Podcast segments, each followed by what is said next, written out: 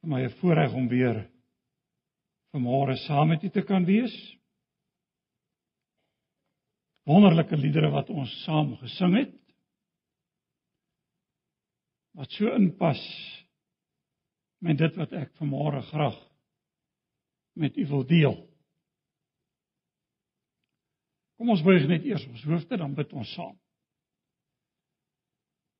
Onse Vader, ons dank U vir voorreg soos hierdie om in die wonderlike naam van ons Here Jesus die koning van alle konings hier by mekaar te kan wees. Om te same u lof te kan besing.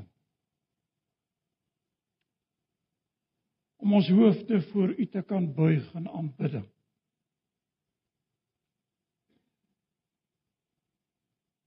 Om U te erken as ons Here en ons saligmaker.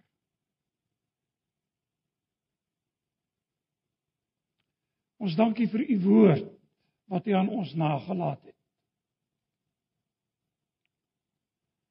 Ons dank U vir U Heilige Gees wat uitgestort is op Pinksterdag.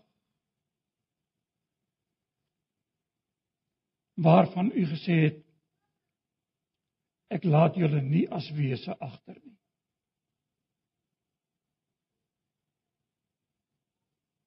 En Here, ons erken dat hierdie woord voor ons gedrywe is deur die Heilige Gees. En nou bid ons dat u Gees ook by die prediking hiervan oordenking hiervan werksaam sal wees ook in ons eie lewens.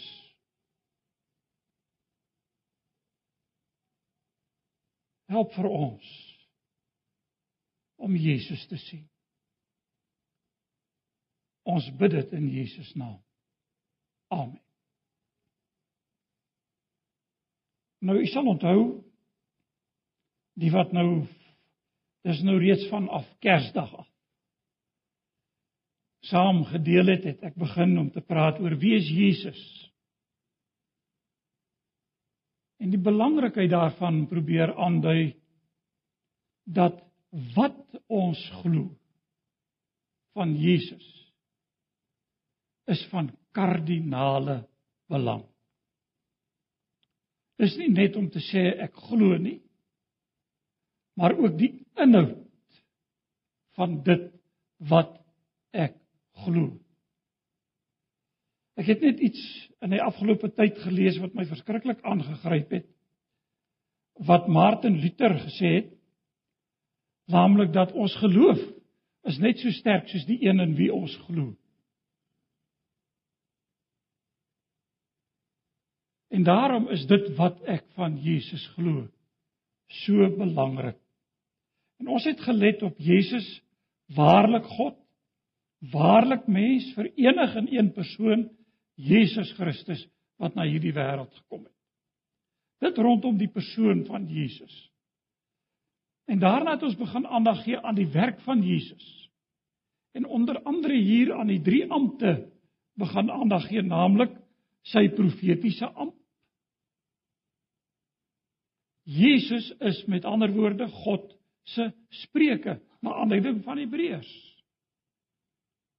Sy priesterlike ampt want hy is ons ewige hoëpriester. En hy het homself as volmaakte offer gebring in jou en in my plek. So Jesus as as profeet, Jesus as priester. En dan kom ons nou vanmôre by die laaste gedeelte hiervan en dit is natuurlik Jesus as koning. Nou u sal onthou in die Ou Testament was hierdie ampte verdeel. Jy die koninklike ampt gehad, jy die priesterlike ampt gehad en jy die profetiese ampt gehad. In Jesus self vind ons hierdie ampte verenig. Priester, profeet en koning. Nou die koningskap is 'n belangrike tema en ek wil hê dat u saam met my moet lees uit Hebreërs hoofstuk 1. Ek gaan ook voorlees uit Hebreërs hoofstuk 2. En dan het ek nou 'n hele aantal skrifgedeeltes en of ek nou betyds by almal rondgeblaai gaan kry, weet ek nie, so julle moet nou gereed wees om saam met my op te soek as ons na van die verskillende skrifgedeeltes gaan kyk ter bevestiging van die koningskap van die Here Jesus. Nou kom ons kyk na Hebreërs 1. Ek gaan net uh vir u voorlees hier vanaf vers 4. Daar lees ons aangaande die Here Jesus, hy is net so verhewe bo die engele as die naam wat God hom gegee het voortreffliker is as hulle naam. Immers aan wie van die engele het God ooit gesê jy is my seun? Van vandag af is ek jou vader en ook ek sal sy vader wees en hy sal vir my 'n seun wees. En wanneer God die eersgeborene in die wêreld inbring, sê hy al die engele van God moet hom aanbid. Van die engele sê hy hy maak sy engele stormwinde en sy dienaars vuurvlamme. Maar van die seun sê hy u troon o God staan vir ewig vas. Met u koninklike septer laat u reg geskied. U het reg lief en u haat die onreg. Daarom het God u God u onder groot vreugde tot koning gesalf bo u tydgenote. En verder, u Here het in die begin die aarde gevestig en ook die hemel is die werk van u hande. Die dinge sal vergaan, maar u bly bestaan. Soos 'n kledingstuk sal alles versluit. Soos klere sal u dit oprol. Ja, soos 'n kledingstuk sal dit vervang word. Maar u u bly dieselfde en u jare het geen einde nie. Van watter engel het hy ooit gesê, "Sit aan my regterhand totdat ek jou vyande aan jou onderwerp het. Is hulle dan nie almal geeste in diens van God wat hy uitstuur om die te dien wat die saligheid gaan beerf nie? Nou gaan ons verder lees. Hoofstuk 2.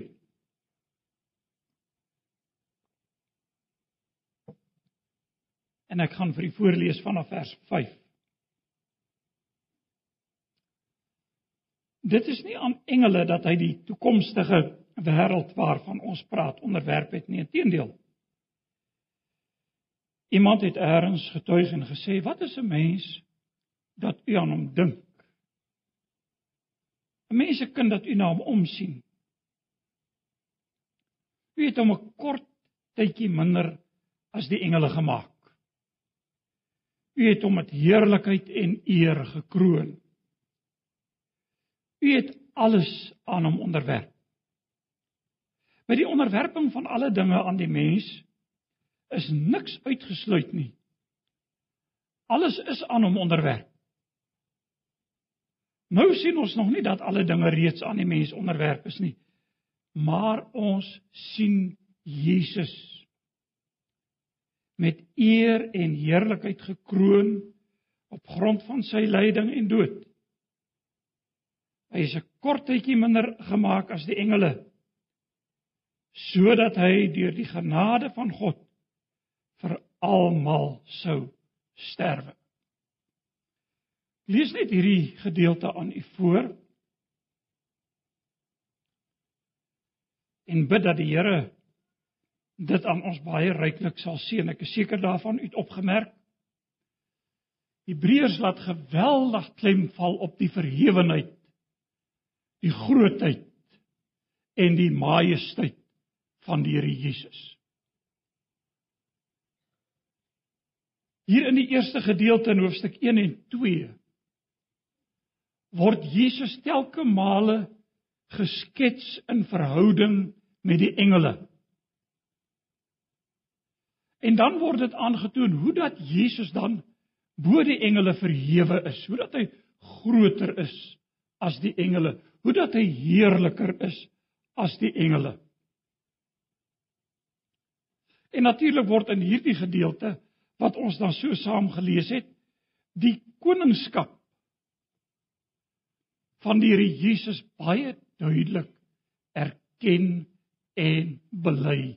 Jesus as koning. Luister nou na die woorde van Hebreërs 1 hier by vers 5. Immers aan wie van die engele het God ooit gesê en luister nou hierna. Jy is my seun.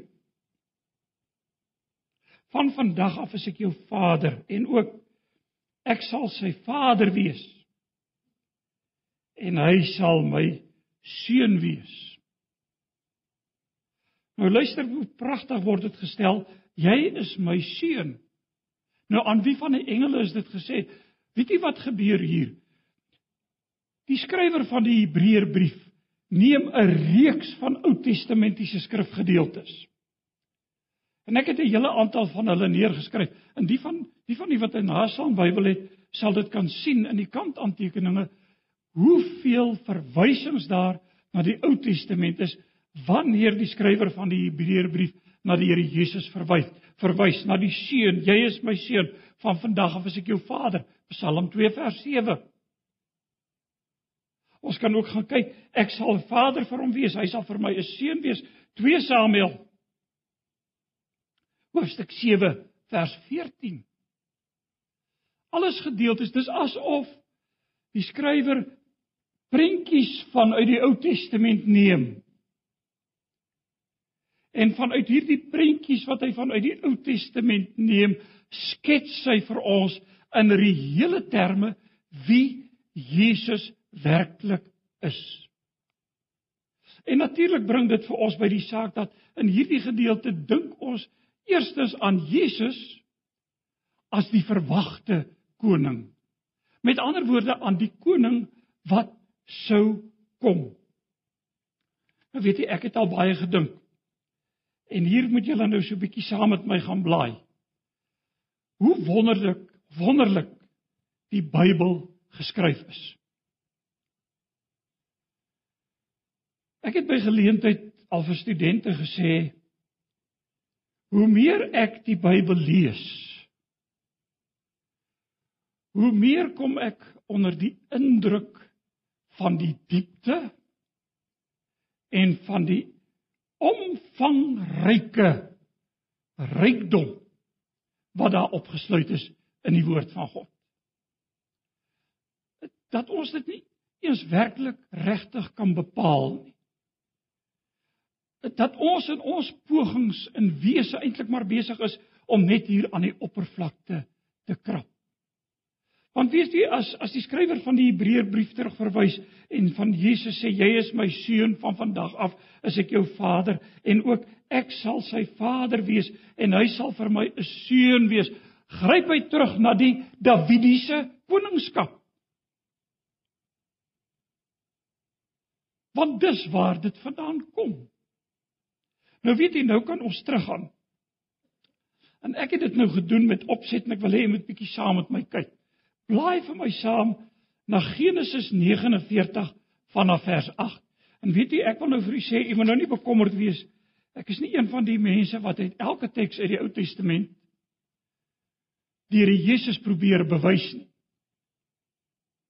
Maar ek wil hê u moet saam met my kyk en dan vir my sê, wat lees u?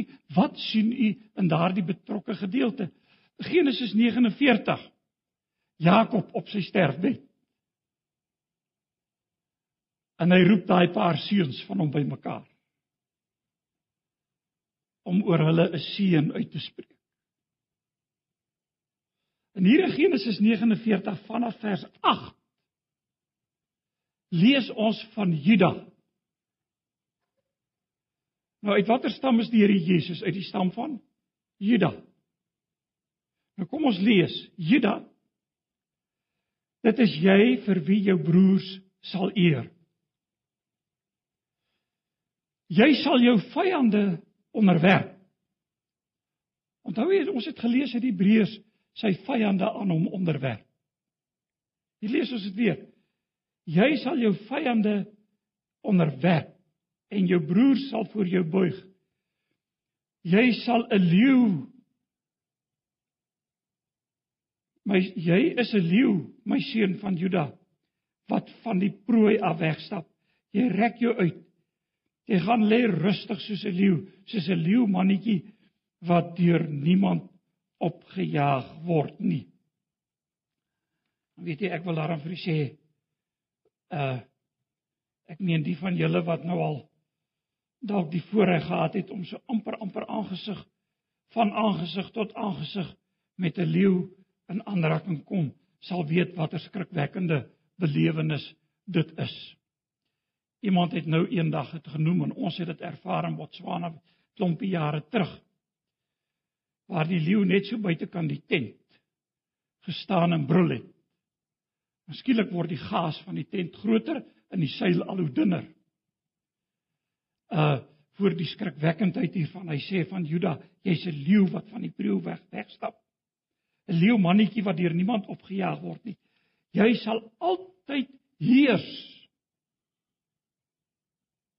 Jy sal aanhou regeer totdat Silo kom. Die heerser aan wie die volke hulle sal onderwerp. Hy maak sy rydier vas aan 'n wingerdstok, sy donkie aan die beste wingerdstok. Net dit. Kan jy sien? Hier is 'n belofte van koningskap nie waar nie? Aan Juda. En weet jy nou gebeur iets verskriklik interessant in die geskiedenis. Hier in die tyd van Samuel kom die volk en hulle sien al die omliggende volkere het konings. En hulle wil ook 'n koning hê. En hulle begin aandring by Samuel op 'n koning. En Samuel, onthou, hy was aanvanklik baie ontstel.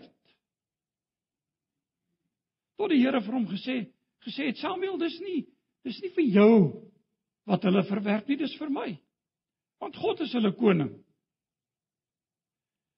En toe stuur Samuel God vir Samuel om 'n koning te gaan salf.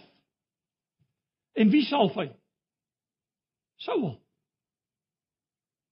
Uit die stam van Juda? Nee. Die stam van Benjamin. Nie van Juda nie. Is dit nie vreemd nie?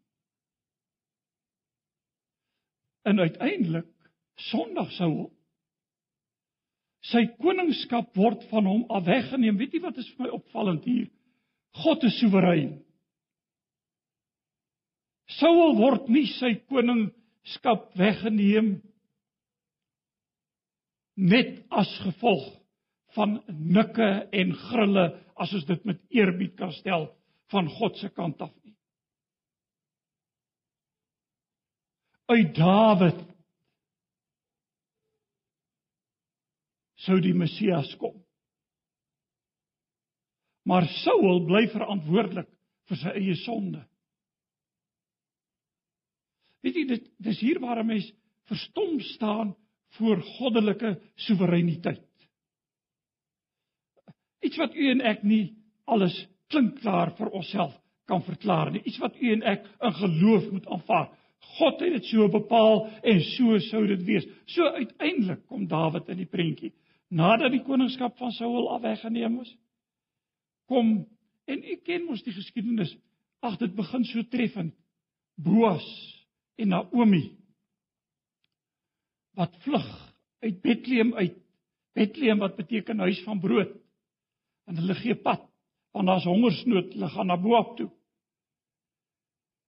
En daar probeer hulle oorleef.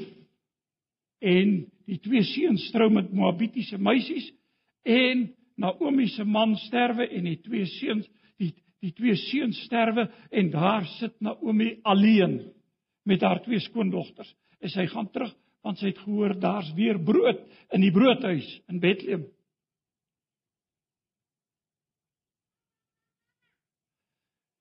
En wat gebeur?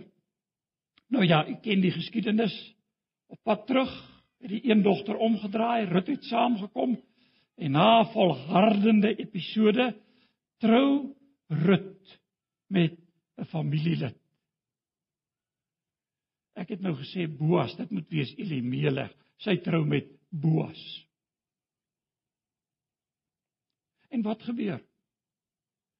Boas word die voorvader van Dawid. En Dawid in 'n bepaalde sin die uit wie die Messias sou kom van Jesus en waar sy gebore in die huis van brood in Bethlehem.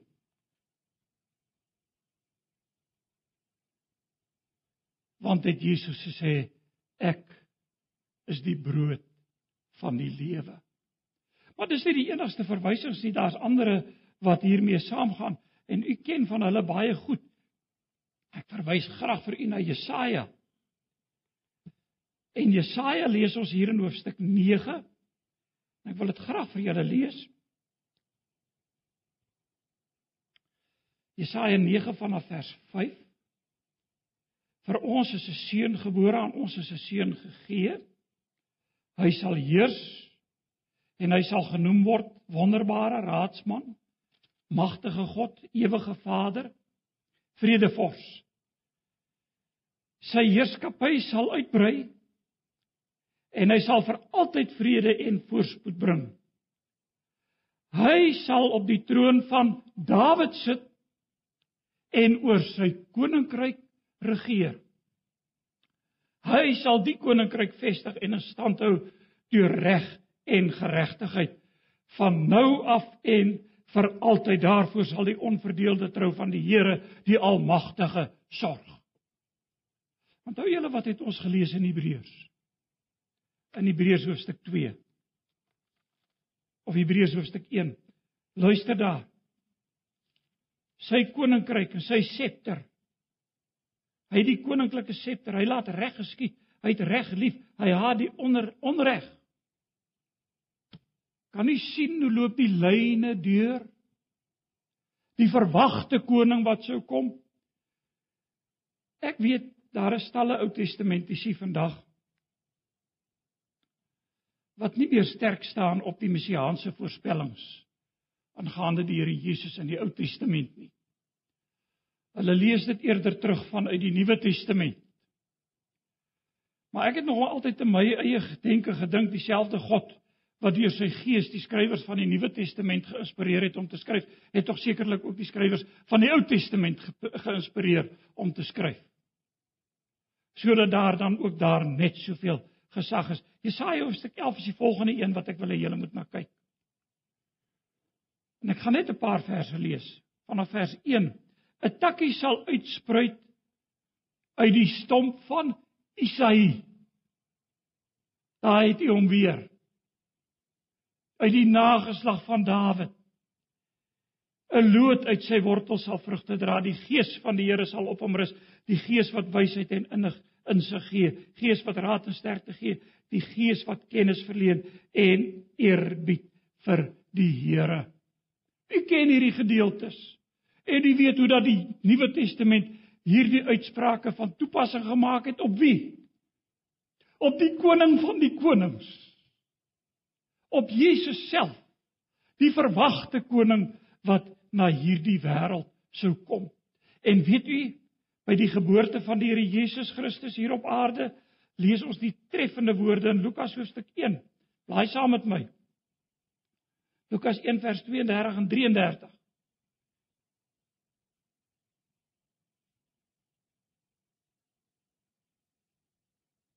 Ek lees vanaf vers 31. Jy sal swanger word en 'n seun in die wêreld bring en jy moet hom die naam Jesus gee. Hy sal groot wees en die seun van die Allerhoogste genoem word. Die Here God sal hom die troon van sy voorvader Dawid gee. En hy sal as koning oor die nageslag van Jakob heers tot in ewigheid aan sy koningskap sal daar geen einde wees nie. Met die koms van die Here Jesus vind ons word die ganse Ou Testament in een persoon verenig. Weet jy baie keer soek mense, maar soek mos maar almal baie keer 'n sentrale tema. Baie keer ook sommer 'n sentrale tema vir die hele Bybel. En as u nou 'n sentrale tema vir die Nuwe Testament wil hê, een naam Jesus. Dit gaan oor Jesus. Hy die koning van die konings. Hy wat gekom het om heerskappy te voer tot in alle ewigheid. En dit toon vir ons op die gerealiseerde koningskap. Die werklikheid of die werklikwording van die koningskap van die Here Jesus toe hier op aarde gekom het. Lees so lees ons in Hebreërs 1 vers 6 en wanneer God die eersgeborene in die wêreld inbring. Nou wil ek dadelik vir u sê eersgeborene in hierdie konteks beteken eerste in rang. Die belangrikste, die hooffiguur, hom om wie dit gaan. In hom in die begin was die woord, die woord was by God en die woord was God. En hier word gesê as wanneer God sy eersgeborene in die wêreld inbring, sê hy al die engele van God moet hom aanbid. Dis die Jesus wat gekom het. Dis die koningskap wat gerealiseer is. So lees ons hier in vers 8, maar van die seun sê hy: "U troon, o God, is staan vas tot in ewigheid met 'n koninklike scepter laat u reg geskied. U het reg lief, u haat die onreg. Daarom het God, u God, u onder groot vreugde tot koning gesalf. Hy is koning. Hy is koning. Dis waaroor die tema hier gaan. En dit wys vir ons wat Jesus kom doen het hier op aarde. Hy was nie net die profeet nie, dit was hy. Hy was nie net die priester nie, dit was hy, maar ook die koning van alle konings en dit is hy ook.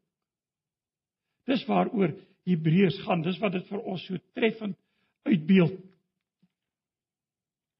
Jesus se koninklike heerskappy staan vas tydens sy vernedering.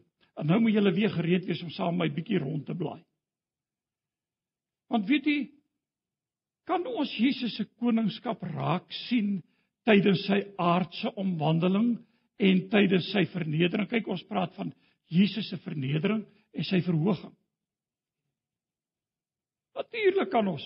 Wil jy moet saam met my gaan kyk. Kom ons kyk na Jesus se oorwinning oor die natuur. Daar wie bly saam met my na Matteus. Matteus 8.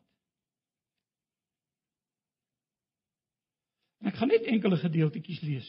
Daar's soveel Miskien moet ek motiveer hoekom ek Matteus hier gebruik. En ek gaan ook ander gedeeltes gebruik. Matteus toon baie sterk aan in die evangelie hoe dat die Here Jesus die vervulling is van die Ou Testament. Jy weet mos as 'n mens Matteus lees, lees jy kort kort hierdie woorde en dit het gebeur sodat vervul sou word wat deur die profete gespreek is. Dis soos 'n refrein. Jy kan regtig 'n punt daarvan maak. Gaan lees Matteus en kyk hoeveel kry u keer kry u daardie bepaalde uitdrukking. Sodat Matteus dus in Jesus die vervulling van die Ou Testament sien. Nou kom ons kyk nou.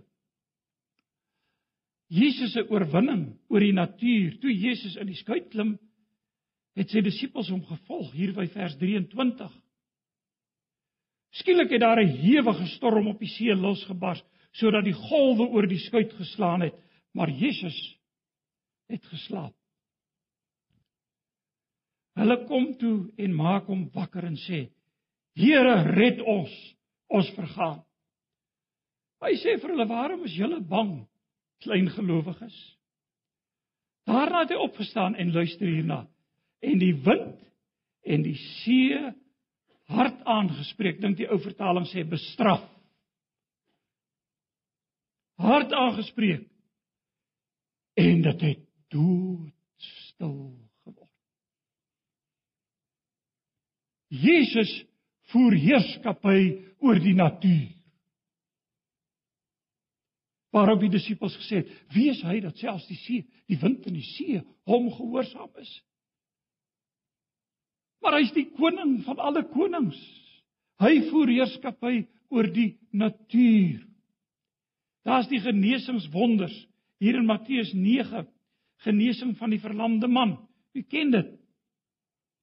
Waar hy vir die verlamde man gesê het: "Vriend, hier in Matteus 9 uh uh vers 2, vriend, wees gerus, jou sondes word vergewe." En party van die skrifgeleerdes het hulle self gesê, hy praat godslasterlik, want 'n mens kan nie 'n ander mens se sonde vergewe nie. God alleen kan dit doen, nie waar nie? En nou kom Jesus en hy sê vir hierdie man, jou sondes is jou vergewe, maar hy's verlam. En luister net hoe treffend, maar Jesus het geweet wat hulle dink. En hy sê vir hulle, "Waarom het julle uh uh sulke slegte gedagtes in julle harte? Wat is tog makliker om te sê jou sondes word vergewe of om te sê staan op en loop?" Nou dink vir jouself in vir 'n oomblik hier. Hier's ons by mekaar en hier's 'n verlamde man. Dit sal makliker vir ons wees al sou ons die sonde kan vergewe nie. Om vir die ou te sê jou sondes is jou te vergewe, jy weet. Meen. Nie waar nie. Maar wat sê Jesus? Maar ek gaan vir julle bewys lewer dat die seun van die mens volmag het om op aarde sonde te vergewe en hy sê toe vir die verlamde man: "Staan op vat jou draagbaar en gaan huis toe. Hy rig hom daarop. Die wonder lê eintlik in die sondevergifnis. Maar die mense se oë was gefestig op die verlamde man. Maar Jesus voer heerskappy. Hy's koning. Hy spreek 'n woord en dit staan. Hy genees. Hy open die oë van blindes. Matteus 9 vers 27 tot 29 en dan kan jy al die al die gedeeltes lees nie. Maar daar lees jy hoe dat Jesus oë van blindes open en u weet, die mense in hierdie era vir die Ou Testamentiese Jood in hierdie tydperk was God die enigste een wat 'n blinde se oë kan oopmaak. Maar Jesus voer heerskappy. Hy is koning, hy is die seun van God. En hy open blindes se oë. 'n Ander saak wat ek moet aandag aan gee, is natuurlik ook sy heerskappy oor die bose magte. En daar's 'n treffende gedeelte, blaai vinnig saam met my na Matteus 12. Matteus 12 vers 22.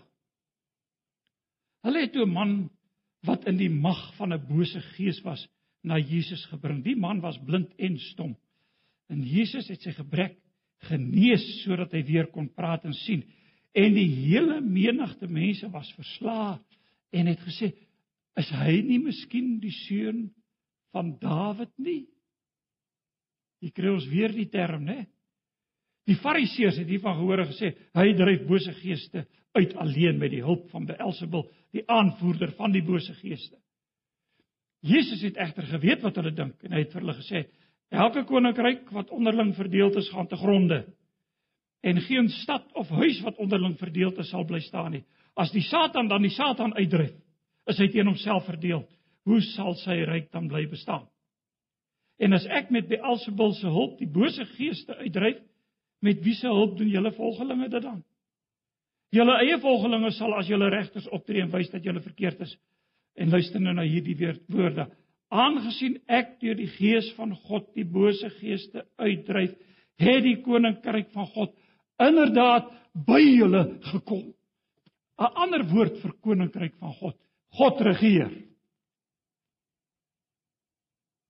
So selfs in Jesus se vernederde staat, selfs hier op aarde, God regeer. Jesus is koning.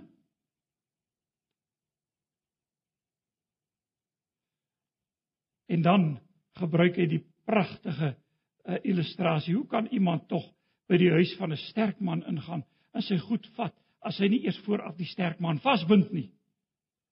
Eers dan kan hy sy huis beroof.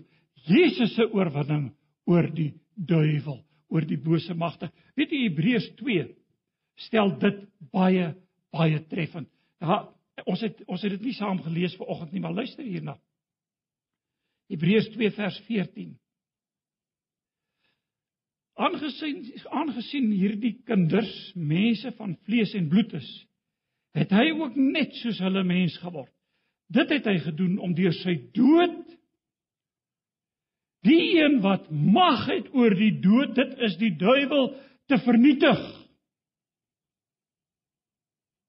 Jesus se oorwinning oor die duiwel. Hy het oorwin. Hy is koning. Hy is koning. Dis waaroor dit gaan. Dis die wonderbroer en suster van die evangelie. So vind ons Jesus se intog in Jerusalem, onthou u dit? Daar op 'n een eenvoudige donkie kom hy Jerusalem binne. 'n Aanhaling wat ook gehaal word van uit die Ou Testament en die mense die skare gooi palmtakke strooi klere geseënd is hy wat kom in die naam van die Here hy voer heerskappy daarvan getuig sy intog in Jerusalem en weet jy hier is ook ander sake hy die dood kom oorwin en ek gaan nou nie hierdie skrifgedeeltes nie want anders dan gaan ons nou nie klaar kry nie So ek gaan hierdie skrifgedeeltes nou maar sommer net so hoofdeliks vir u interpreteer. In die evangelie van Johannes kry ons iets interessants. Jesus verwys by geleentheid daarna, hy het mag om sy lewe af te lê en hy het mag om dit weer op te neem. En toe is die mense woedend, hulle wil hom stenig. Onthou jy daarvan? Weet jy, dis hoekom ek sê u moet bietjie gaan kyk hoe wonderlik word die Bybelse materiaal gerangskik onder inspirasie van die Heilige Gees om 'n boodskap tuis te bring wat jy en ek kan verstaan. Want net 'n rukkie daarna net na hierdie gebeurte gebeurtenis Jesus wat gesê het ek het mag om my lewe af te lê, ek het dit mag om weer op te neem, net 'n rukkie daarna. Toe kom die mense sê Lazarus is siek, hy moet kom. En Jesus wag tot Lazarus dood is. En toe Lazarus dood is, toe gaan Jesus. En hulle sê Jesus, as u vroeër hier was, sou my broer nie gesterf het nie. En Jesus sê ek is die opstanding en die lewe. Wie in my glo, sal lewe al het hy ook gesterwe. En Jesus gaan staan voor die graf. En die mense sê hy moet pad gee. Hy's 4 dae lank dood. Hy ruik al. En Jesus roep: "Lazarus, kom uit." En Lazarus staan op en hy kom uit. Wat onderstreep dit? Jesus het gesê: "Ek het mag om my lewe af te lê. Ek het mag om dit weer op te neem." kyk na Lazarus. Hy het die dood oorwin. Hy het die dood oorwin. En Hebreërs fokus natuurlik baie sterk op die verheerliking van die Here Jesus.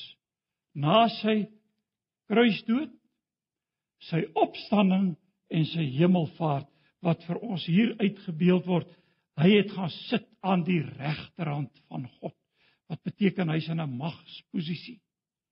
En ons lees dieselfde hier in Hebreërs hoofstuk 2. Hy voer heerskappy, Jesus is koning. Maar wat van die werklikheid? Wat sien jy en ek vandag raak?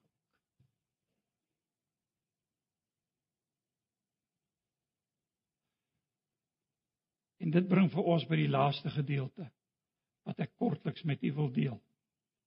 En eintlik moet ek sê ek het nou 'n hele lengte preek hiervoor nodig. Want dit is so aangrypend. So aangrypend. Hebreërs 2 vanaf vers 5. Waar hy sê dit is nie aan engele dat hy die toekomstige wêreld waarvan ons praat onderwerp het nie. Inteendeel iemand het eers getuig en gesê wat is die mens dat u aan hom dink en dis weer 'n aanhaling uit die psalms nê 'n mensekind dat u na hom omsien. U het hom 'n kort tydjie minder as die engele gemaak. U het hom met heerlikheid en eer gekroon.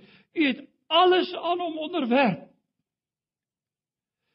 U het alles aan hom onderwerp en by die onderwerping van alle dinge aan die mens is niks uitgesluit nie. Sjoe. Nou ja. Op seminarium is ek geleer ek mag nooit twee moontlike interpretasies aanbied nie. Ek besluit op een interpretasie en ek hou voet by stuk. Oor hierdie gedeelte is daar twee interpretasies. Diegene wat die eerste gedeelte op die Here Jesus van toepassing maak en die tweede gedeelte wanneer hy sê uh, nou sien ons nog nie dat alles onderwerp is nie, maar ons sien Jesus. En toe het ek nogal in 'n moderne kommentaar iets aangeraak wat dit vir my so treffend illustreer. Dat ons hier twee transparante het. Die een van die mens en die een van Jesus wat bo-oor geplaas word. En ag, wil ons nie tog maar graag oor alles heers nie. Wil ons nie ook maar graag 'n woord spreek en dit staan nie. Maar nou kom u en ek voor die realiteite te staan, dit wat ons rondom ons sien, dit wat met onsself gebeur. Nou sien ons nog nie. Nie waar nie. Dis 'n paar as ek nou so na die gehoor kyk.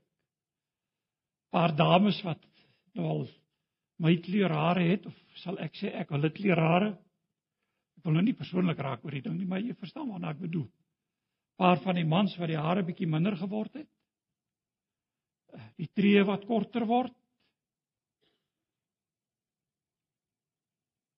Die hele skepping sê die Bybel is aan die nietigheid onderworpe.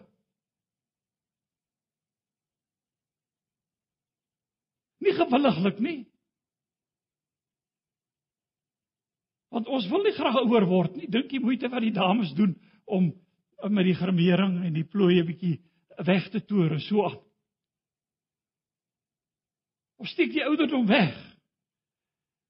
Ek was nou die dag so verleë Nelly is hier by die hospitaal vir 'n roetine ondersoek in Pretoria. My bene seer. Een of ander manier om seer gemaak hier in die waai en ek kan amper ek loop so krippel krippel. En hier skuins by my sit 'n ou oomie. En ek skat hom nou al daarom regtig gevorderd in jare, maar hy sit met 'n Bybel in praktyk. Sit hy nou daar in lees. En ek kom nou agter ek is daarom heel wat jonger as hy. En ek staan daar op, jy weet, en toe kop staan toe toe krippel ek hier aan, jy weet, en ek probeer so reg op moontlik is so gelyk as moontlik. Wil nou nie graag erken ek loop nou bietjie sukkel sukkel nie. Gelukkig het die been weer reg gekom. Dis die realiteit. Die hele skepping is aan die nietigheid onderworpe, nie gewilliglik nie sê die apostel Paulus in Romeine 8, maar ter wille van hom wat dit onderwerp het. Nou sien ons nog nie. Dis wat die teks vir ons sê. Alles is aan hom onderwerp. Nou sien ons nog nie dat alle dinge reeds aan hom onderwerp is nie. Daar's nog gebrokenheid, maar wat sê die teks vir ons? Weet jy Jesus se transparant word bo oorgeplaas. En dis die wonder van die evangelie. Dis die wonder van die heerskappy van die Here Jesus. Hy is koning, sy transparant word bo oor ons sin geplaas, want ons sien Jesus. Ons sien hom. In al ons pyn en al ons hartseer. In ons verganklikheid en in ons nietigheid sien ons Jesus, die koning van alle konings. Ons sien hom raak. Luister wat sê hy, maar ons sien Jesus met eer en heerlikheid gekroon op grond van sy lyding en dood. Hy is 'n kort tydjie minder gemaak as die engele sodat hy deur die genade van God vir almal sou sterwe en so die dood oorwin. Broer en suster, ek het hierdie verskriklik ingekort. Want dis die kern waaroor dit hier gaan. Is dit nie wonderlik nie? sien u vanmôre Jesus raak as koning. Hy voer heerskappy tot in alle ewigheid. Ja, ek weet u sal terugverwys na Korintiërs wat sê wanneer hy die koningskap aan die Vader oorhandig, maar daar gaan dit oor sy taak sal dan voltooi wees. Eendag wanneer Jesus weer kom, sal dit afgehandel wees, maar hy voer heerskappy tot in ewigheid. Dis die koning waarvan die Bybel praat. Die koning van alle konings. Ek lees vir u om af te sluit 'n ou bekende haleluja lied. Ek weet nie of julle hom ken nie. Kroon hom met krone blink die heiland op sy troon. Hoor hoe die hemelsange klink, geen ander is so skoon. Ontwaak my siel, besing die lam vir u geslag wil hom die koning hulde bring roem ewig sy gesag kroon hom die vors van vrede hy swaai sy staf alom totdat sy lof van see tot see weer klink en vrede kom sy ryk sal nooit beswyk aan sy deurboorde voet sal eenmaal eenmaal louter skoonheid pryk en onverganklik goed. Kroon hom verhewe Heer, beskikker van ons lot. Laat aarde en hemel hom vereer in ewigheid ons God. Heil u verlosser, heil. U het vir my voldaan. U roem bo aardse perk en pyl sal ewiglik bestaan. Kom ons buig ons hoofde in gebed. Ons buig voor U, die koning van alle konings.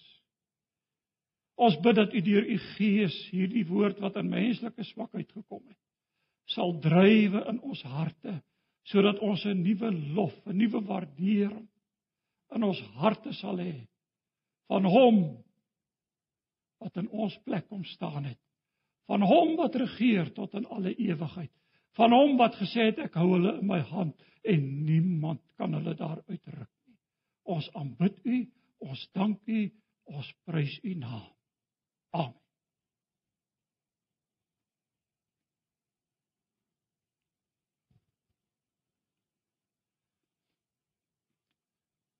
Ons sing 'n slotlied saam as ek reg?